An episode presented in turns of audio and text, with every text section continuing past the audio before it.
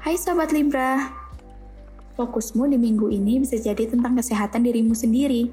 Jagalah kesehatanmu jika kamu tidak ingin membuat orang lain khawatir.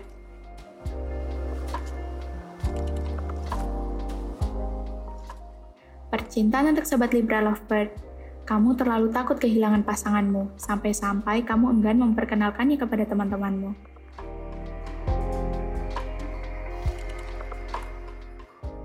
Percintaan untuk Sobat Libra yang masih single. Jika ingin berkenalan dengan seseorang, jangan ragu. Do it now, before someone started.